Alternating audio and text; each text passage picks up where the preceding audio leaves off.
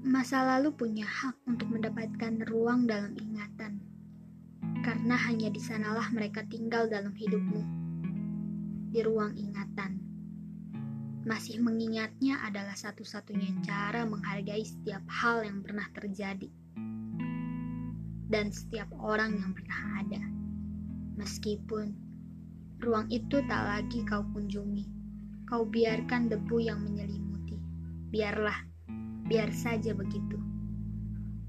Ada saatnya dalam hidupmu, kau akan merindu masa yang lalu. Maka, ruang itu ada sebagai museum tempat singgah. Untuk mengenang lagi setiap hal yang tak lagi sama. Setiap tempat yang tak lagi bisa disinggahi. Setiap kenang yang tak lagi bisa diulang. Dan setiap orang yang tak lagi ada di sisi